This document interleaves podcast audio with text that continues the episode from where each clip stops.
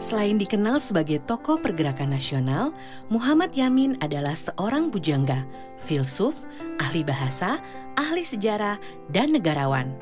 Mari teman-teman, kita mengenal lebih jauh sosok pahlawan nasional yang serba bisa ini. Muhammad Yamin lahir di Sawah Lunto, Sumatera Barat pada 23 Agustus 1903. Sejak duduk di bangku sekolah menengah, Yamin telah tertarik mempelajari ilmu budaya dan bahasa. Yamin meneruskan pendidikannya pada Sekolah Tinggi Hukum di Batavia. Di tengah kesibukannya sebagai pelajar, Yamin aktif dalam organisasi pergerakan Yong Sumatranen Bon. Dalam perjalanan pembentukan bangsa, Yamin adalah orang pertama yang menggagas pentingnya bahasa persatuan.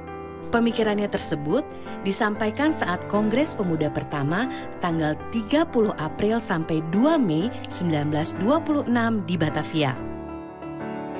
Ketika itu, Yamin mengusulkan bahasa Melayu sebagai bahasa persatuan. Pada Kongres Pemuda kedua tanggal 27 sampai 28 Oktober 1928, Yamin menegaskan bahwa bahasa Melayu telah menjelma menjadi bahasa Indonesia. Sebagai Sekretaris Kongres Pemuda II, Yamin berperan dalam merumuskan putusan Kongres yang disebut Ikrar Pemuda atau yang kita kenal sebagai Sumpah Pemuda. Dalam sidang BPU PKI, Yamin adalah tokoh yang berperan penting dalam menggagas wilayah Indonesia dan merumuskan Pancasila. Ia bahkan dipercaya sebagai orang yang menemukan istilah Pancasila. Pengetahuan Yamin yang luas ditopang kegemarannya membaca. Koleksi bukunya melebihi 20 ribu buah.